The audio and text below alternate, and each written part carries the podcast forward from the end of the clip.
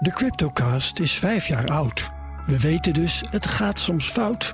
Dat is hier steeds weer voorgekoud. Maar wie zijn crypto altijd houdt, als was het elektronisch goud, dan daar zijn strategie op bouwt. Te lang dit. Luister gewoon naar de Cryptocast. Elke dinsdag crypto nieuws op BNR. De Cryptocast, voor jong en oud. Cryptocast wordt mede mogelijk gemaakt door Bitfavo, de crypto-exchange van Nederland. This Houston, contact with a test one. Touchdown confirmed.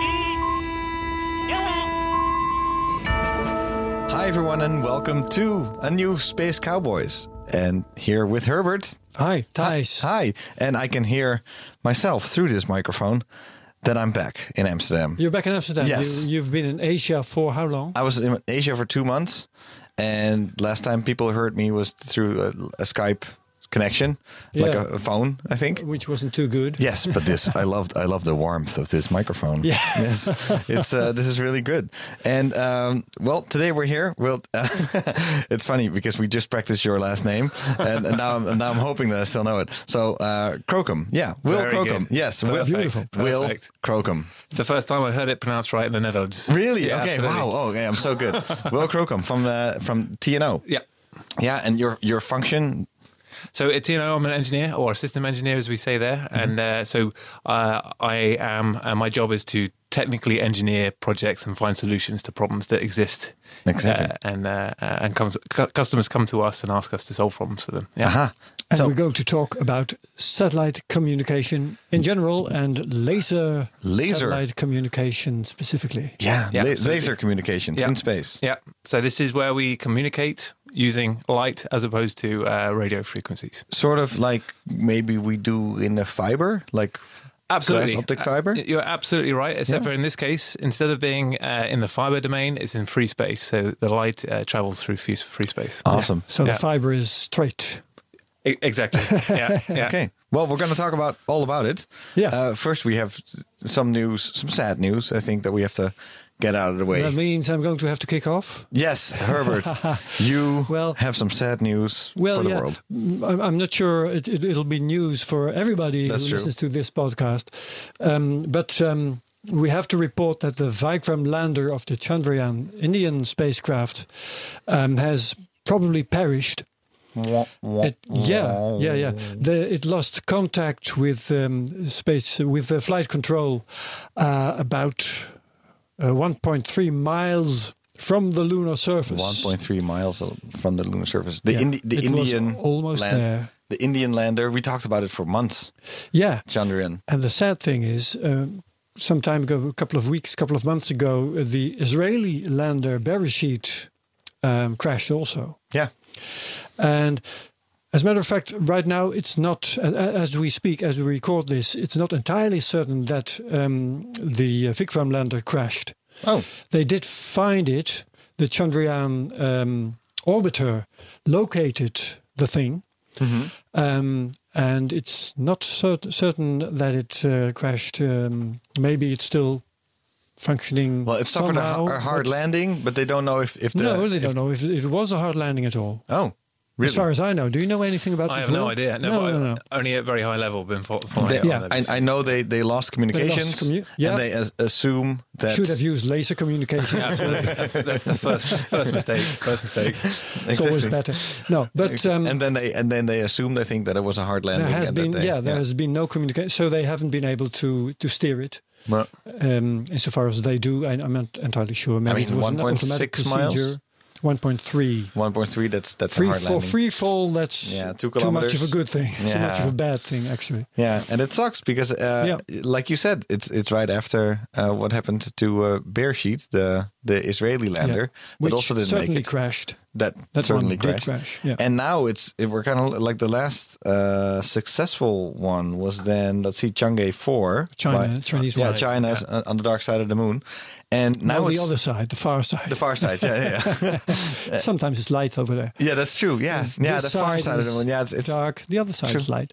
of course. Yeah. Of course, uh, and it's still roving around. Actually, there was some news this week, and I, I kind of didn't Is want it to. moving at all? I thought it was Um, stationary.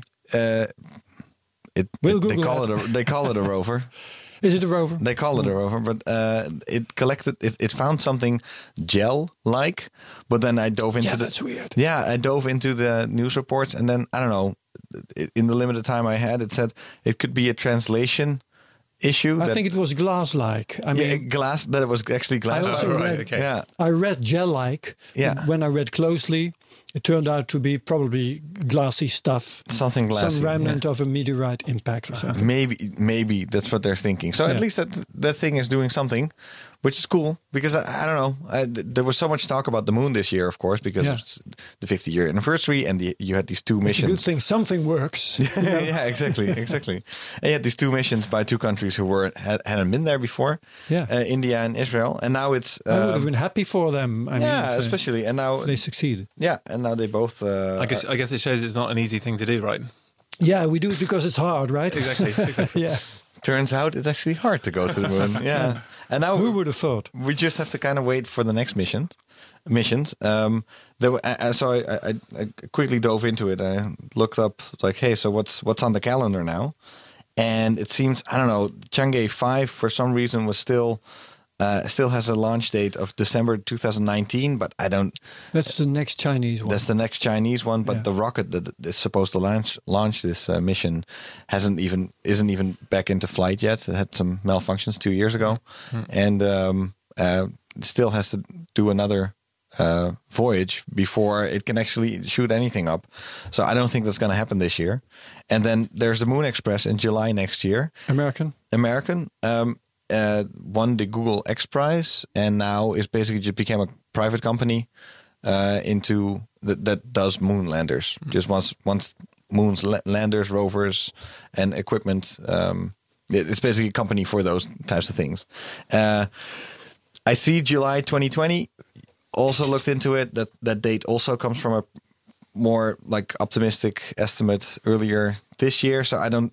It's going to be a while. It's going to be a while Yeah, before yeah. we we get excited We were about a new supposed to get busy on the moon was- surface. exactly, and right now- for some time. Plenty of uh, test launches, though, right? Uh, there seems to be a lot of news on, you know, experimental uh, uh, testing progress on uh, on the, the, the various US uh, related activities. Exactly, Yeah. exactly. But it's n- not, nothing hap- new happening now. There's a couple of things that are definitely working, Mm. that are going, flying around it. So we, we have to start looking at those and Mainly be- orbiters, you, you mean? Yeah, main Yeah, or- orbiters and the and the, the couple of the things that have landed. Mm. Um, maybe you should focus on that a little bit more, and then less on what's going there, because the things that are going there are just Yeah. falling out of the sky. Maybe you should pay attention to those because I'm uh, leaving.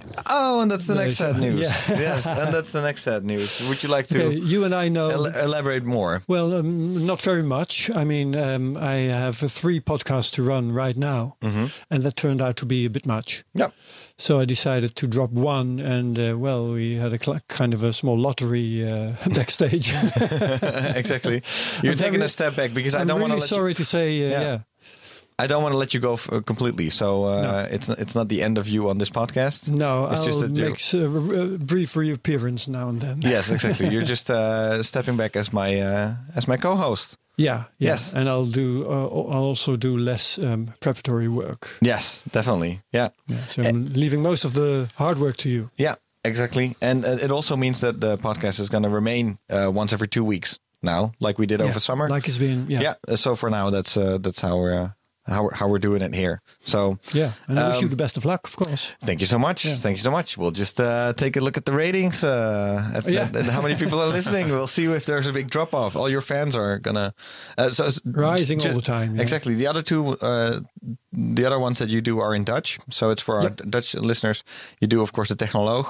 It's a very popular podcast here in the On Netherlands. technology, Yeah. and then the CryptoCast, which is about cryptocurrencies. exactly Yeah. cryptocurrency. So you you keep on doing those. Sure. Herbert, this is not very well, but it's uh, at least a, That's uh, right. But yes, it was an opportunity to uh, to ring it up. So Exactly, exactly.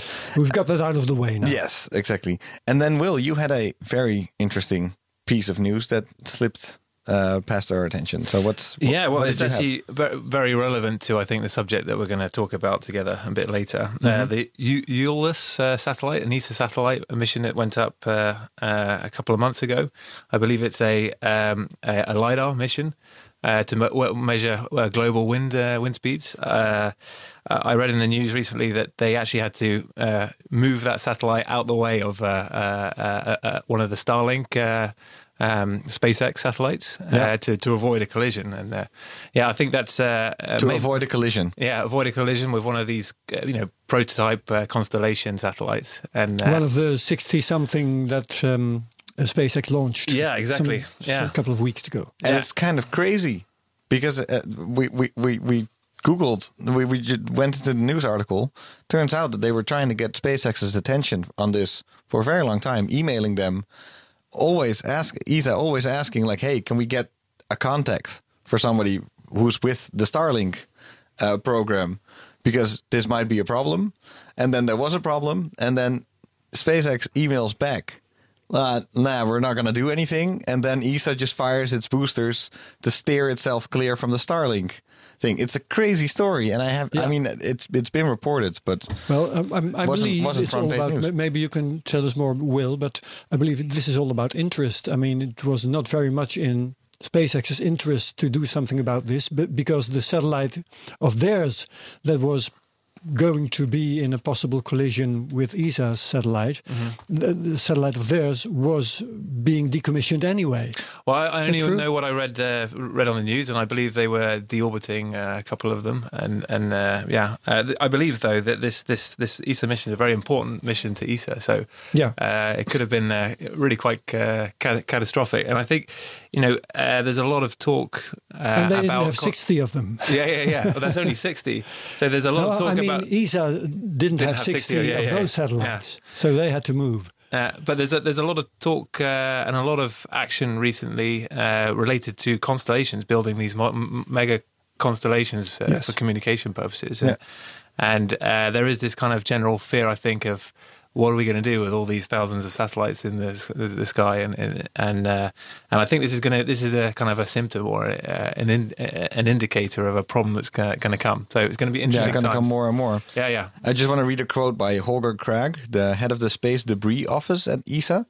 Um, he said, uh, Nobody did anything wrong uh, because there are no rules in space. Uh, space is there for everybody to use. There's no rule that if somebody was first here, like ESA was in this case, um, uh, uh, that they could go first. Um, basically, on every orbit, you can encounter other objects. Space is not organized, and so we believe uh, we need technology to manage this traffic. So for ESA, it was more like, "Hey, we're gonna play traffic police," and SpaceX just said, "Like, yeah." Have fun with that. Yeah, We're not gonna do that's anything. A very maybe over polite thing of them to say. Yeah, because super the least. SpaceX could have done was talk to them. Yes, at least Uh, instead of emailing them like, "Hey, your problem." Yeah, Yeah, yeah, exactly. Super weird.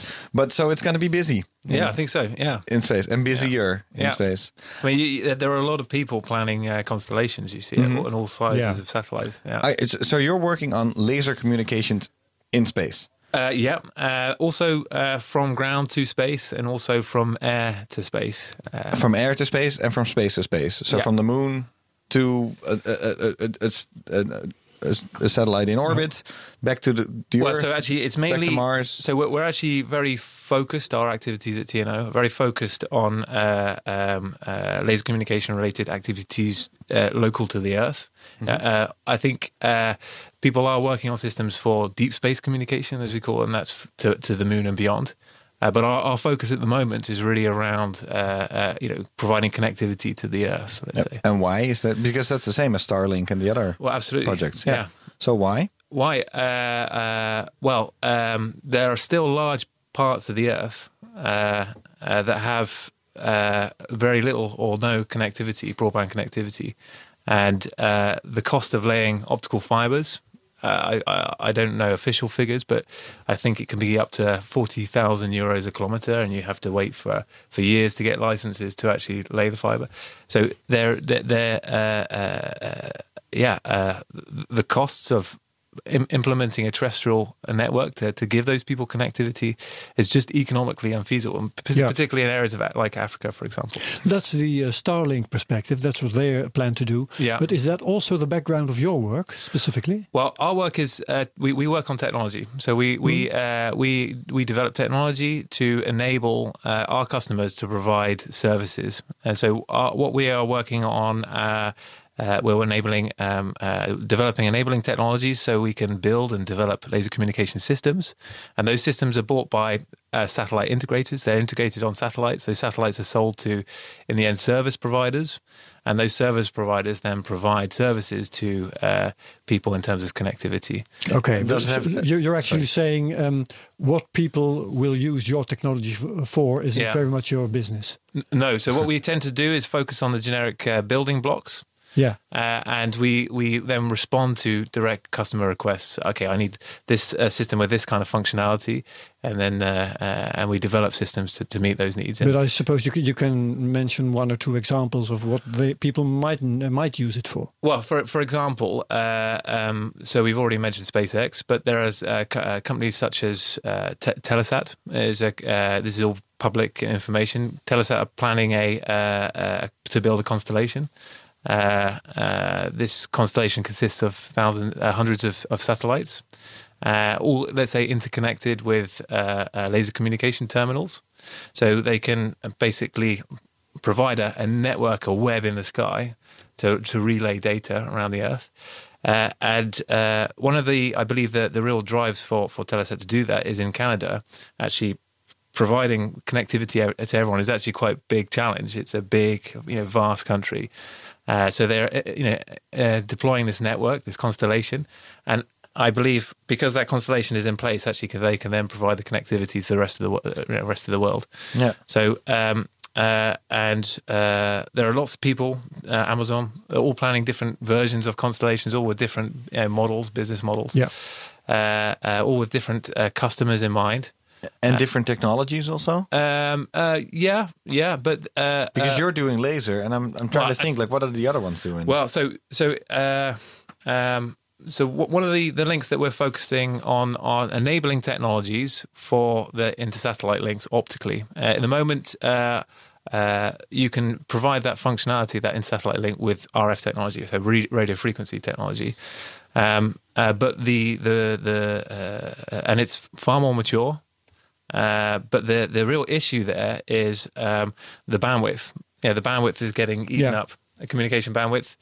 Uh, uh, uh, there are you, you know you have to apply for licenses to use certain frequency bands, uh, uh, and the the bands are not big, and uh, the the bands are completely swamped, and uh, people are moving uh, moving towards RF technologies like K and KU bands to to kind of get as much out of it as possible. But- but- Squeeze every yeah, little last yeah. drop out of that bandwidth But um. Yeah. to, to, to be clear, um, I believe nobody uses um, laser technology right now, do they? Well, actually, that's it's not a technology true. That's, that's, not in true. the works. It's not true. Well, people it- do no, use no. it. So, so actually, Europe uh, and ESA uh, are really le- leading in uh, laser communication, Yeah. uh, rolling out laser communication technology. it's being rolled out as we speak. Well, there is an operational network in space that relays data from LEO stationary satellites to geostationary Leo satellites. is low Earth orbit. low Earth Yeah. orbit, uh, and they use uh, laser links to, to do that. And what's the name? and it's this network is actually called the EDRS network or Yeah. Space Data Highway. Uh, it's a uh, a public private partnership. I think them uh, set up between ESA and, and, and Airbus. Airbus now commercially operate uh, uh, that network, um, and what they're in the process of doing is is uh, uh, increasing the connectivity to that. But it's a it's a, a- just a- launched, no? well, the third. Okay, so so the the, the way the system works is they ha- they are planning a number of geostationary nodes. These geostationary nodes are in a stationary orbit with respect to the, the Earth. Yeah, always um, over the same part of the Earth. Yeah, Yeah. That those those geostationary uh, satellites downlink data to Earth with a Ka band, RF uh, band uh, uh, uh, link. But what they do is they they take data from uh, uh, uh, uh, satellites in the LEO uh, orbit.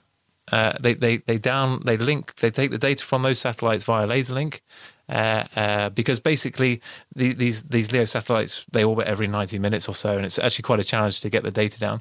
But they use those those those those geo nodes as a as the kind of the relay points, and I believe they've already achieved 80,000 uh, or so links, tera, tera, hundreds of terabits of data already downlinked.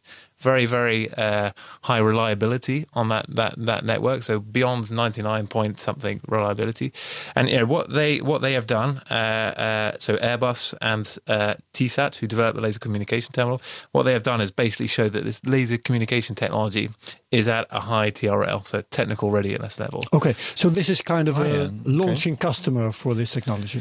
Yeah, so right? the pioneers, they were the pioneers of this technology. Now, now, uh, the, but now the, the the challenge that we now face is uh, making it economically viable. So Yeah. uh, it's about uh, taking the same same technology and being able to produce it in large numbers, uh, making it cost effective enough. Yeah. Ca- Can we take a step back and make um, something of a comparison between RF radio links and laser links? Yeah. I mean, why should you use one or the other? What are the advantages of this new technology? Yeah. And and there's is there a third technology that we are Any not other talking about? competitors around? Anything Yeah.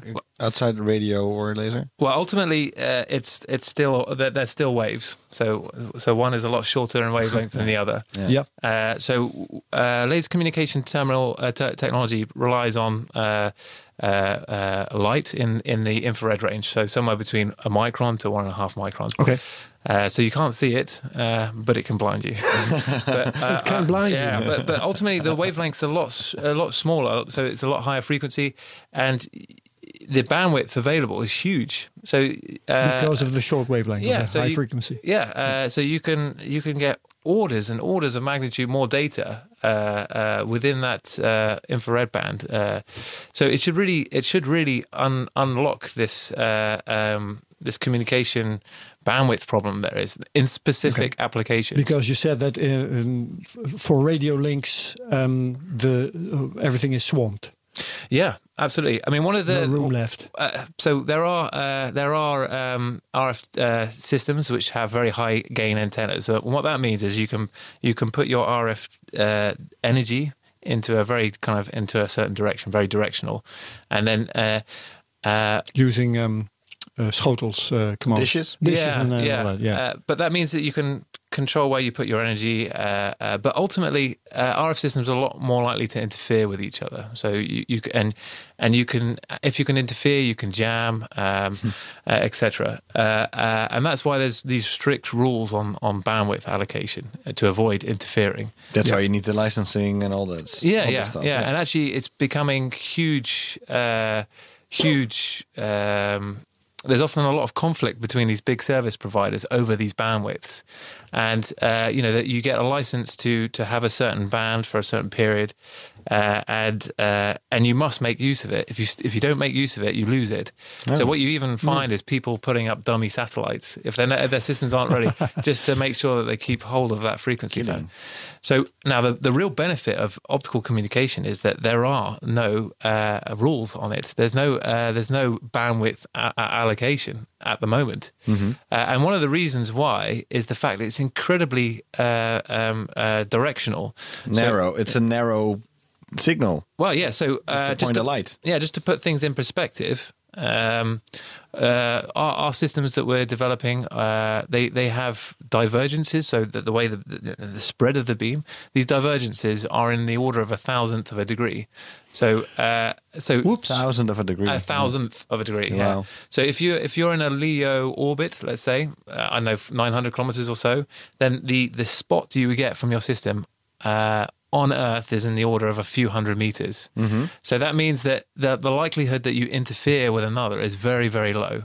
Still, it And is then- for a couple of hundred meters, so you can still spray that signal over a wide area. Yeah, it's a, so it's a it's a Gaussian shape. So what I mean is that the, the the energy is really focused in the center. Mm-hmm. Yeah. Uh, but uh, yeah. It, if you think about a few hundred meters comparison to 900 kilometers, it's still very, very directional. Mm-hmm. Yeah. Yeah. And, and what that does is also makes it in, inherently secure. So uh, people listening into the your, your your light, listening to your light, uh, uh, you can pretty much see them because in order to, to get get enough light, you, you, can look over your shoulder and you see someone else with a big telescope. yeah, yeah.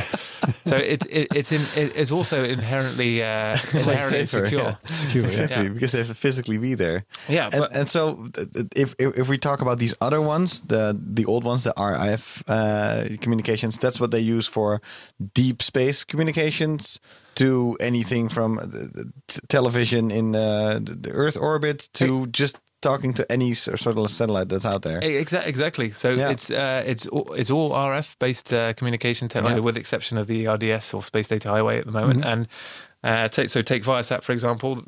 You know, you, you see on people's uh, houses the, the the RF dishes for getting the TV. Yeah. That that that is pointing at a geostationary satellite. Yeah. And that geostationary satellite is essentially relaying uh, uh, uh, data, which is being fed to the satellite, and just you know one for one for one uh, transmitting it to, to Earth. So there's Yeah. maybe an application where you would want to use RF because you want to spray it over an area of a thousand kilometers kilometers across. So you're absolutely right. So Yeah. actually, going back to this example, uh, uh, let's say the high throughput satellite, high throughput communication satellites, such as the ones that Viasat provide.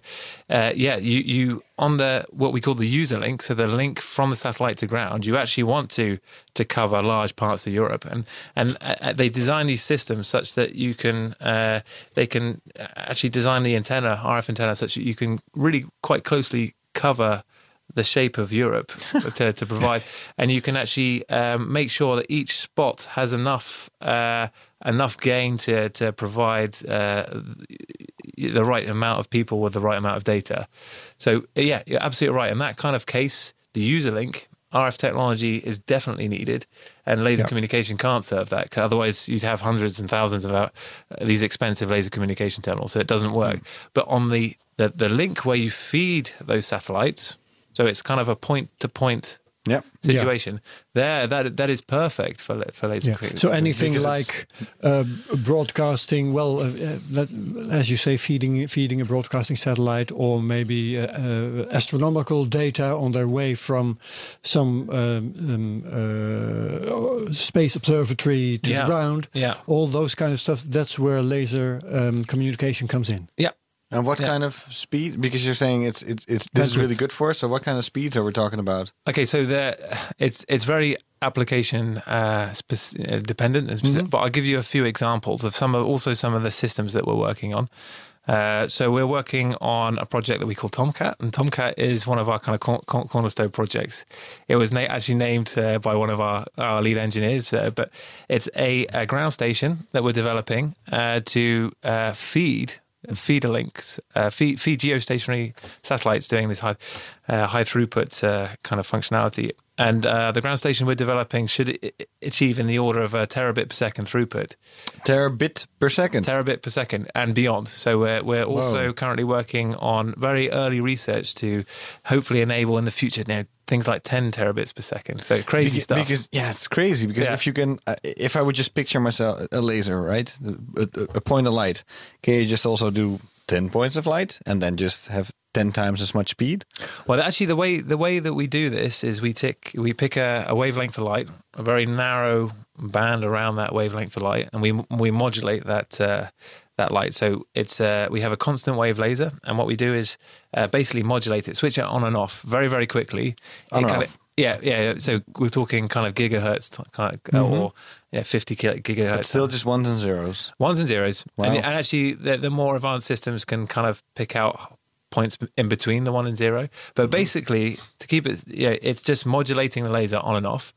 Uh, and you can uh, you can switch it on and off to a certain speed, and that, that gives you, uh, let's say, the defined data rate per optical channel.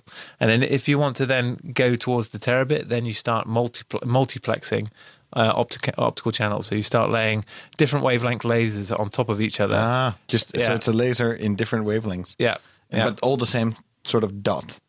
Like, yeah. How big is the dot? Well, again, I play with my cat and my laser pen a lot. Like what? how how big is this dot?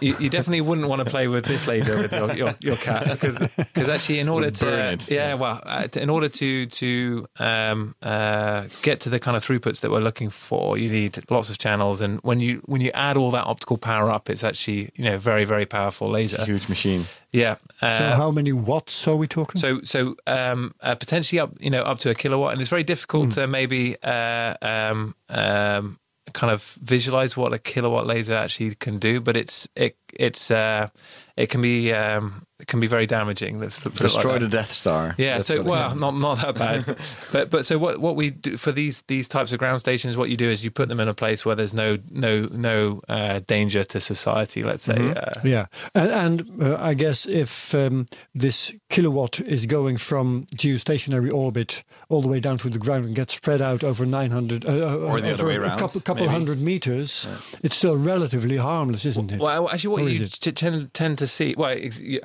absolutely right. Mm-hmm. Um, uh, the, the, the system has divergence. Uh, the beams diverge, the, and as a result, the power density uh, reduces and, and the danger re- uh, reduces. But what you tend to see in these types of satellites, the, the forward link tends to be a lot uh, uh, more demanding. So we need more data coming f- uh, in one direction than we need data in the other. ah, So, So the- which which one? What is the so, so, so, for example, if you if you your broadband connects uh, your computer, you can download data a lot quicker than you can send data. And, and Okay. it's, it's the same same. thing. yeah. Yeah, yeah. And this broadcasting satellite um, receives a lot of data via this uh, um, a a laser beam, possibly, yeah. Uh, but doesn't send much back in to, to the Well- to the source. Well, one of one of the uh, one of the real tricks and one one of the real challenges for uh, getting data from the ground to satellites via laser is the atmosphere.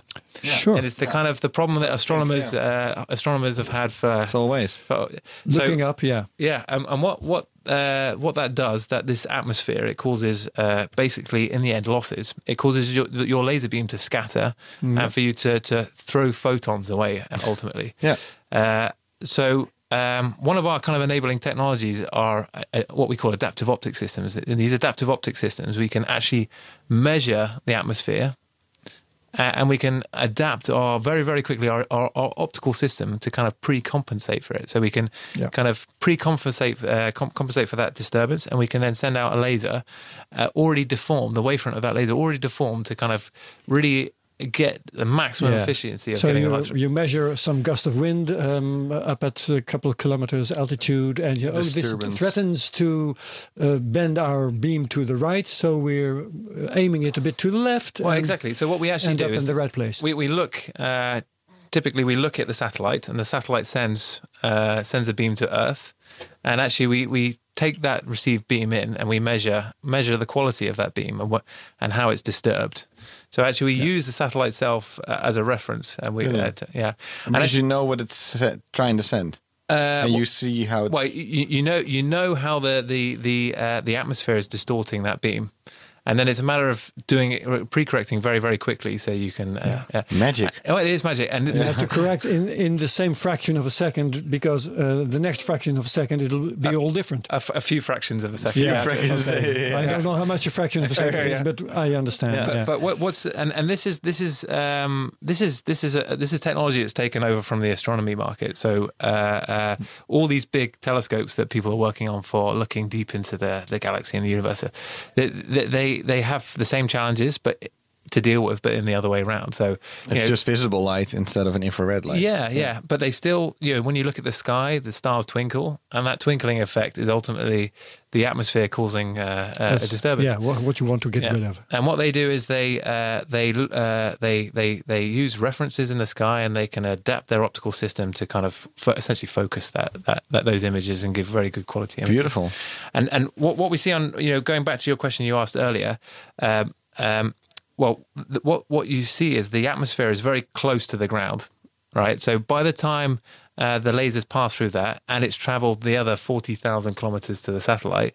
You, you know, it's uh, it's propagated. Those those losses have propagated.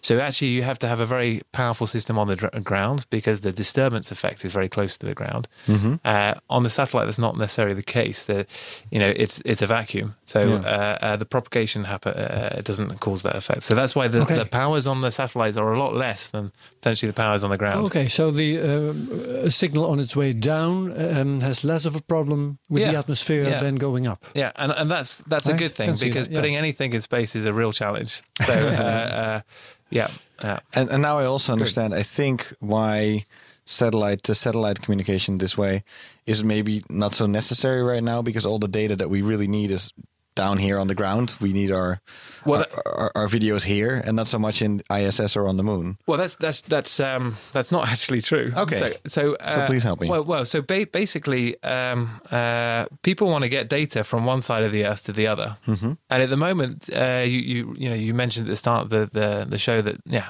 it, you know, fiber optics are a, is a way of doing so.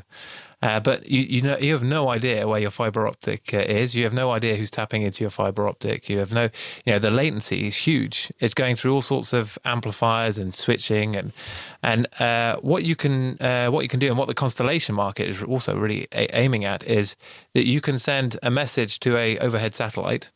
Uh, and it can then relay it via the satellite network to the other side of the earth with very, very low latency, with very, very high security. My ping will be really good. I can finally play video games Yeah, yeah, against somebody yeah. in South Korea. Yeah, Okay, great. and and uh, so it, do you know the milliseconds? Like, is it a ping of less than one I mean, millisecond? again, it depends how far you're, you're sending it, right? yeah, yeah, of course. But other I, side so of the planet. I, I, I don't know the numbers off, off at hand, but I mean, an, another important message is that it's Almost speed of light.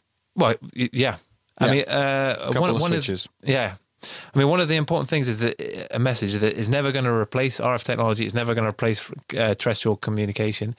Uh, it's you know it's going to enhance the kind of the communication network in very specific applications. Yeah. So, feeder feeder feeder links, as we call them, uh, intersatellite links.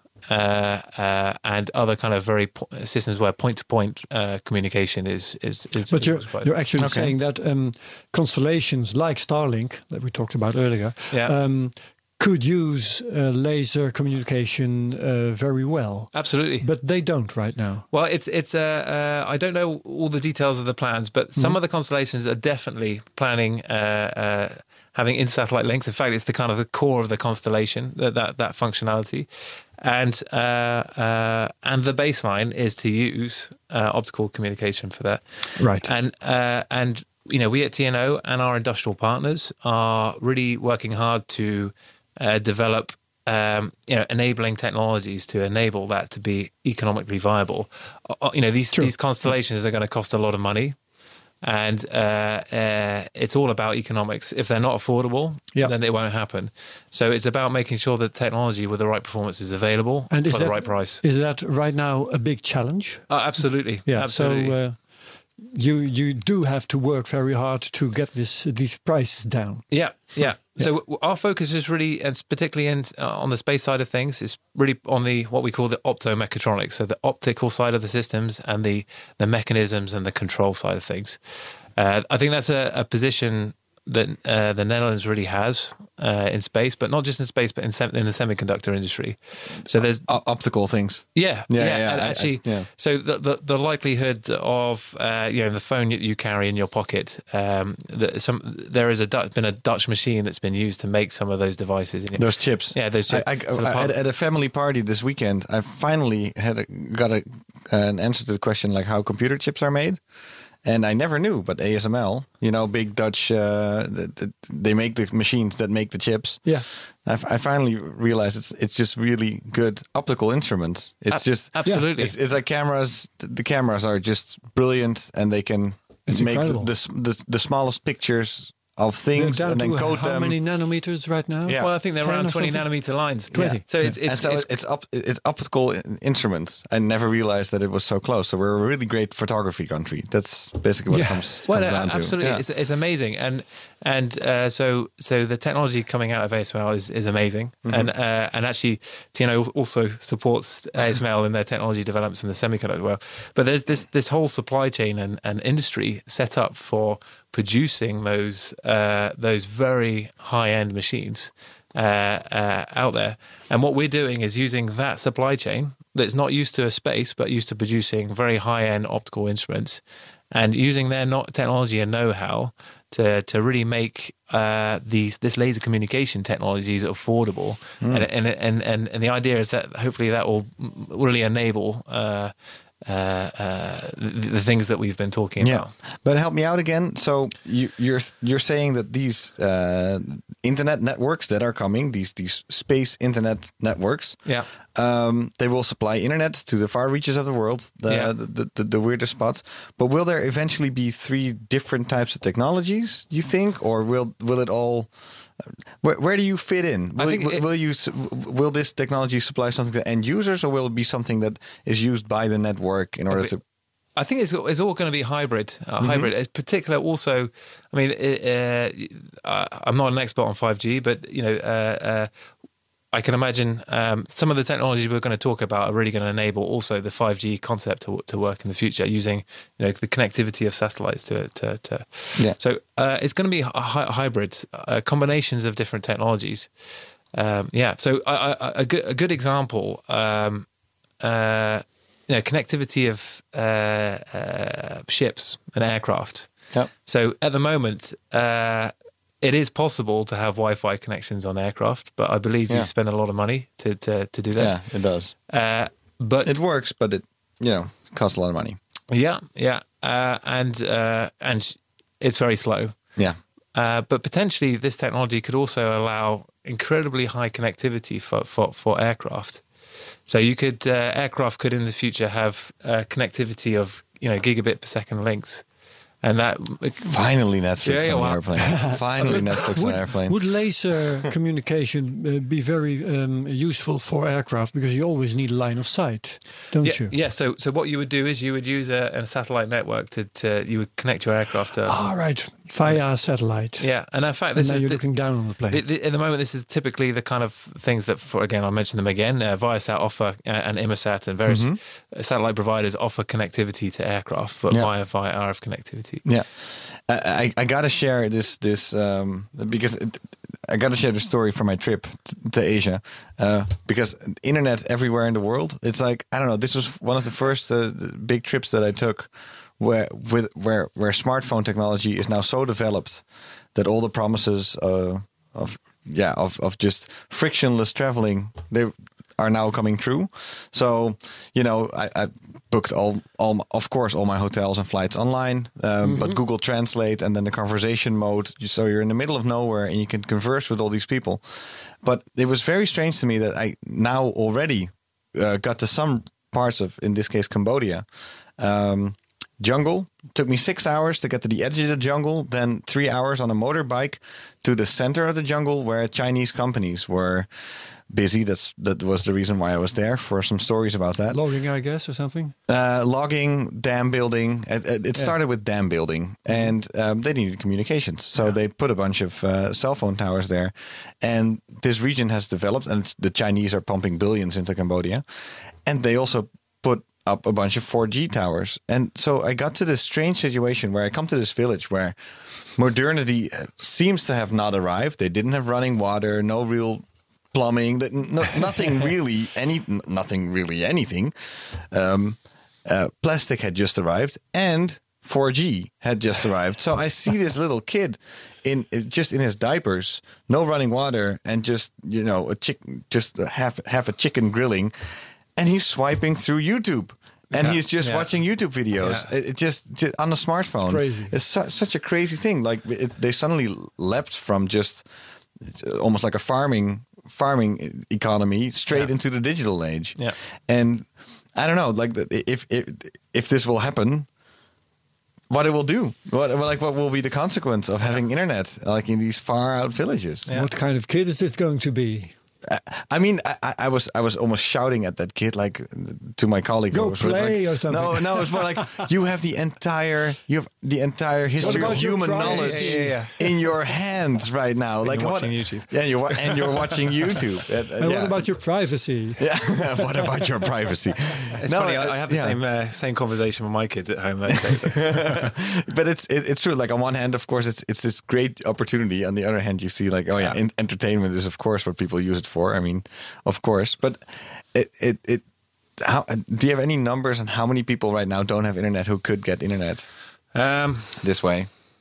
Uh, well, actually, um, when we first started this this activity a number of years ago, we we, we even looked at uh, looked at the map of the Netherlands and how many areas of the Netherlands still don't really have uh, the connectivity, and it's actually amazing. Yeah, Really? some- yeah. amazing. There are huge still parts of uh, Netherlands that have very limited. Uh, yeah, forest near my home. Really? Yeah, yeah, yeah. For example, yeah, because it become it's all about the economics and Yeah. about the cost of implementing uh, the connectivity. I know it from the United States in in the rural parts where it's the same, and then you only have satellite Yeah. uh, connectivity. And so right now, if you get satellite connectivity, it's just one of those radio signals. yeah, but uh, Yeah, yeah, and they're slow and they're they're expensive. yeah. Will you ever do? I mean, that's a good point. That's a good point. So th- Yeah. there's, there's also a real push for for getting the cost per bit lower. So at the Okay. same time, there's all trillions and trillions of devices getting connected to the, Mm-hmm. the internet. You know, even even your coffee machine is now connected to the internet. True. And uh, and on the other hand, there's a, a, a drive then also to get the cost lower. Uh, per bit, and that's uh, another kind of factor of why new technologies are needed to. to Yeah. But will um, uh, eventually uh, will it also be useful over long distances? Well, you, Like like a, a Voyager spacecraft, New Horizons, which are like going to the edge of the solar system right now. How far can you go? That's actually Yeah. the question. Yeah. Well, it's uh, yeah. So I guess it, I guess it's possible. So uh, you know we- we uh, we are also doing uh, you know some research, early research into kind of deep space communication, and uh, it, it def- definitely it's it's fe- feasible for for providing connectivity to places like Mars and the Moon. yeah, an HD live stream, 4K live stream from Mars right now. Yeah, like but- that'd be amazing. but it will be plenty of latency. Uh, fl- uh, there will still be latency, of course, because Yeah, it's okay, still limited by physics, Yes. right? Like But 40 Yeah, minutes. yeah, yeah. yeah. But Yeah. the news switching to a live stream from Mars, like, hey, let's watch the sunset on Mars right now. That, Like that would be nice. And Yeah. and um, what happens if Mars is on the other side of the sun? Well, there you go. W- won't have the line of sight you But, then, need. but then you need a relay system. Relay So system and Yeah, Venus. you can have- you need- and then- yeah. yeah, yeah, we go that's some Lagrange uh, po- po- uh, libration point. What is it? Yeah, Um, I, I was but- recently uh, um, uh, at a conference and uh, we were given a presentation on the Voyager missions, and of course, like both Voyagers are now outside of the solar system, very Yeah. much so.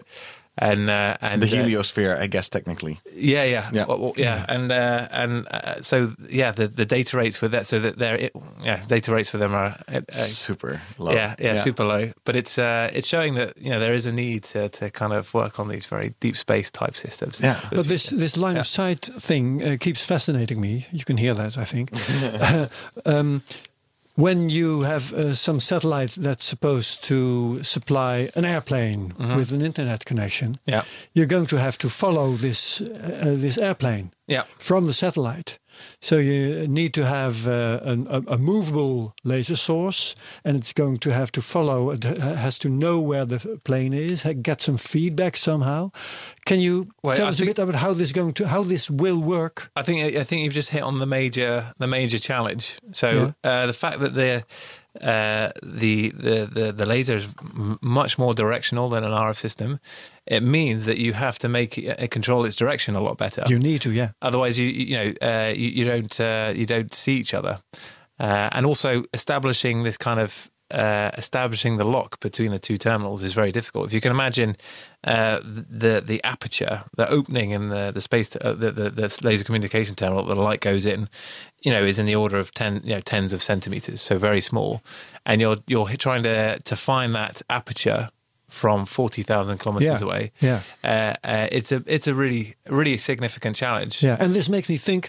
Just Mm-hmm. a quick uh, digression uh, of um, these uh, Chinese students trying to throw their laser pen, the light from their laser pen, into the eyes of uh, police. Uh, um, Helicopters?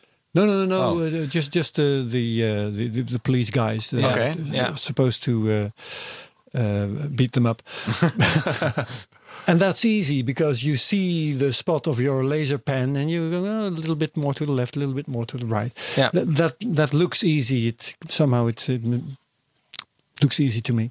But how do you do it um, from a satellite when you are supposed to f- to follow a plane? Yeah. Uh, so You can't see your no, laser you can't see, spot, but you, can you? you well, but you both uh, both terminals need to be essentially actively transmitting a beam to each other, Mhm. Okay. and and uh, and there's a very and there's a complex sequence of acquiring, but uh, essentially. Uh, uh, the- Some protocol involved. yeah, there's some protocol. Yeah. Uh, uh, uh, basically, um, the you have uncertainty uh, of your position uh, uh, and orientation, so where you're pointing and where you are, and the corresponding terminal has uncertainty in its position and orientation.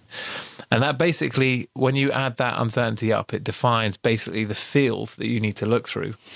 Um, uh, so that field tends to be, you know, quite like well, very application specific, but much larger than than the divergence of the laser beam that you're transmitting. So you have to essentially spiral through uh, the the whole uncertainty uh, cone, as Okay, we call it. so that's some trial and error Yeah, process essentially. all going on all the time. yeah, well, un until you establish a lock. Uh, All right, yeah. Okay. yeah, And uh, then it becomes easier, I well, suppose. it, then it becomes easier because you Yeah. can just it's a, a closed loop system as we call it in control. Uh, it you you get feedback on where you're supposed Yeah. to be and you can close. Yeah. But but you basically spiral through and uh, you see tiny little blips, very for a fraction of a second, a fraction of a fraction of a second, and and you're supposed to then move your pointing system towards there. And and uh, yeah, so it's a complex algorithm, but it's one of the most challenging uh, Yeah. uh, uh, you know, finding each other. Uh, another challenge is dealing with the atmosphere, um, and uh, and in fact, when it comes to aircraft, uh, uh, then actually even in a closed loop system, uh, trying to suppress all the disturbances you have. So um, uh, you can imagine if you're on the ground and the temperature is stable, that you can you can, can yeah, the disturbances as we call them uh, are pretty low. Uh, but on an aircraft, which is traveling very fast, uh, you're, you've got a lot more vibration. Uh, you've got varying temperature cycles, and this all causes your your your system to. To, to, to kind of point the beam in the wrong way, or it looks one way and it sends the beam in another way, and and and that ultimately creates losses in your system. So, again, this is really where the uh, this is where we uh, and our industrial partners think we can add the the, the difference is in actually the the optomechanical design, so the very stable designs and dealing with these disturbances. So I did refer to that adaptive optic system earlier. Yeah, doing it That- point to point in a completely sterile uh, situation. yeah. That's probably not not the trick. It's doing it in every sort of like weird Astronomers have it easy. Yeah. Yeah, yeah. and then you combine with that with the fact is that we have to do make these systems affordable, and then you combine with that with the fact that then we have to make these systems r- repeatable. So when you put you know mass producing them, they have to be like first time right. So that that's the the the challenge, and and that's what uh, that's what we're that, what we're busy with. Yeah. and our partners. Yeah. And so, where are you right now? Because EDRS is already up. Uh, that's that's a relay satellite by ESA. That's one of the three I heard you say. That's already up. That's yeah, working so with there's this. uh, there's um, I think um, uh, they recently uh, launched their second geo node, but a number of nodes are also on the Sentinel uh, Sentinels. So actually, a lot of the Earth observation data that's being generated at the moment is getting relayed via this network. okay. Um, so uh, uh, um, so that's And, uh, operational. So, so uh, just to, to make sure I understand, it, the Sentinel is using laser communication. Yes, some, a number of the Okay. Sentinels, uh, ESA Yeah. Sentinels, are using and relaying data uh, with this uh, with this network. Beautiful. Yeah. With this Okay. network that you co-developed. No, no. So we uh, uh, this this um, uh, this uh, uh, first network was um, was put in place uh, by by ESA and with uh, by Airbus and uh, and a lot of the pioneering energy was done by a company called Tesat in Germany. Uh, uh, uh, but now there's there's real like a real emphasis on making this technology, uh, uh, you know, economically viable for things like the constellation market. Yeah. There, there, there's now a move uh, to push it in towards other other slightly different markets, like I said, the feeder link market, and this is where we're now adding value uh, to, to to kind of enable those things. Yeah, yeah, Yeah. exactly. So, So, what's the um, the uh, business model of TNO? Um, I don't suppose TNO is going to manufacture their own uh, laser communications equipment. Uh, uh, will you make money off patents or something? Well, so this, this is the first question that uh, a customer asks us. You know, actually, uh, because this is a commercial recurring business, the first thing they ask us is, you know, you're a research institute. Yeah. When, we're, you know, we're not going to buy a recurring system off of you. so actually, uh, and we, you know, we've recognised that, um, and that's why, uh, you know, we've been setting up and working with industry to build this supply chain, which basically then produce our uh, technology on on license. So uh, you know, it's one of the kind of uh, w- the two main goals of TNO is to have kind of impact on society, and we think we're doing that via providing this kind of connectivity to people. Uh, and the second goal is to provide this kind of means for economic growth for the Netherlands, but also Europe. And by developing these technologies, you know, which, which when we start are quite risky, uh, uh, and by the time by the time we develop them, we've reduced that risk. That that, that then industry can pick pick that up, and uh, and then make money off it, and, and then Yeah. generate Off of revenue for your- the Netherlands. And hard research. yeah, but you know, it's uh, it will be for for for the whole team. So there's about 80 people working on it in in Delft at the moment. For, in our, uh, uh, that, that's that's what I think is all driving us. Getting uh, it'll be super cool to see uh, the technology that we've been working on, you know, becoming commercially uh, viable. And actually, we're already seeing a couple of examples of that. So, uh, and I can give you a few examples, specific examples, if you if you like. Well, there's um, But th- this doesn't completely answer my question, right. uh, which I, would could like rephrase as: Who pays you? Who pays us? So, uh, um, uh, well, actually, we, we, we, we, to be quite direct, we, we get our money from a number of different uh, uh, different sources Yeah. to develop these. Uh, we do work business to business sometimes. So sometimes customers pay us directly for solving a specific problem. All right, yeah. Uh, sometimes we, uh, uh, uh, we we are you know a, a government or research institute, so we have a subsidy from the government, uh, Oh, yeah. and, and and with the aim of uh, tr- achieving those goals that I just referred to, Yeah. economic impact and, and societal impact. And we also uh, have very good support from uh, the Dutch Space Office, so uh, NSO it's called. Uh, uh, it's uh, we we are able to develop a number of our technologies by them making funding available and uh, to us, but also to our partners to to make these uh, uh, these technology steps and take these technology steps. Yeah. Yeah, clear. Can I now get the, uh, the, the examples of really good applications? Well, okay, um, okay. So I'll, I'll, I'll give an example. Just of one of them. I just uh, one of them, yeah. yeah, yeah. So I'll give an example of uh, a project that uh, is is is small but really important because uh, uh, so um, uh, about three uh, three or four years ago we started uh, looking at what what would the market need in the future in terms of mechanisms and uh, we identified a gap for the development of a little fine steering mirror. So it's a, a little optical device, active optical device. How small? Uh, it's about the size of a two euro coin Okay. Yeah. in, in all dir- directions, let's say. Uh, and uh, this this little mirror is an active mirror, and it tip tilts, and it basically corrects for those disturbances that I was referring to. And uh, we looked uh, at uh, you know what the current state of the art was and what the future might need, and we formed a project with industrial partner Demcon uh, in Enschede and also now in Delft and and uh, Eindhoven, of course. Uh, we we formed a project to start a development of that thing um, and produce in the end a uh, and we've produced a product. That product is selling in its own right. So companies from all around the world are now buying that FSM because it's very very high performance. Uh, and it's also enabling all the systems that we're developing. So it's the heart of our, going to be heart of our aircraft terminal. It's the heart of some of our space uh, activities.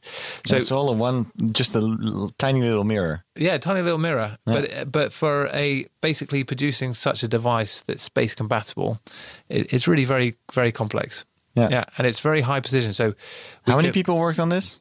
Uh, I would say actually the cha- the team is constantly evolving as the product goes through its life cycle. You know, so from concept to, to, to kind of producing and starting the the assembly lines, but you know, you know somewhere between ten and twenty people, Yeah. uh, and uh, uh, and yeah, we've just uh, in the process of you know producing and going through the first production run. And there is a serious interest from from the market now, asking for thousands of these uh, devices. So, uh, you know, the model is working. Nice. Uh, we're, we're and we're achieving achieving our goals. Yeah. Yeah.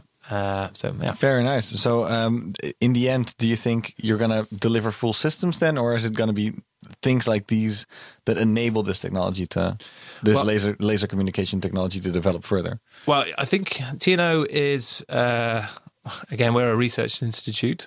Uh, we want to support our uh, our uh, our partners to you know provide technology. Some of our partners will provide systems, and some of our partners will provide subsystems, and some of our partners will provide components. Knowledge. Yeah. yeah, knowledge. And so, uh, uh, but yeah, that's where we're going. So, for example, um, uh, we work very closely with um, Airbus and Airbus Netherlands, uh, who we are developing all our ground station technology to. In the end, that they bring that technology to the market. So, at system level. Uh, uh, I think a, a really important point is that uh, you know that we're focused on areas of that market where we really add value and where our our, our, our partners add value because it, it is an economically driven market. Sure, we, yeah. we have to do the right things for the right reasons. Yeah, I wonder when when I mean I don't know when Starlink is like going up again, especially after Another almost uh, crashing another with sixty ESA. something. Yeah, I don't know. One, it, it, it'll be what five years, ten years, fifteen years for before we next cloud. no, before for before complete- before I have internet in the Sahara. I can Oh, watch. it'd be a lot quicker. Yeah? There- uh, what we see is real, real, uh, uh, really aggressive uh, Hunger. movement.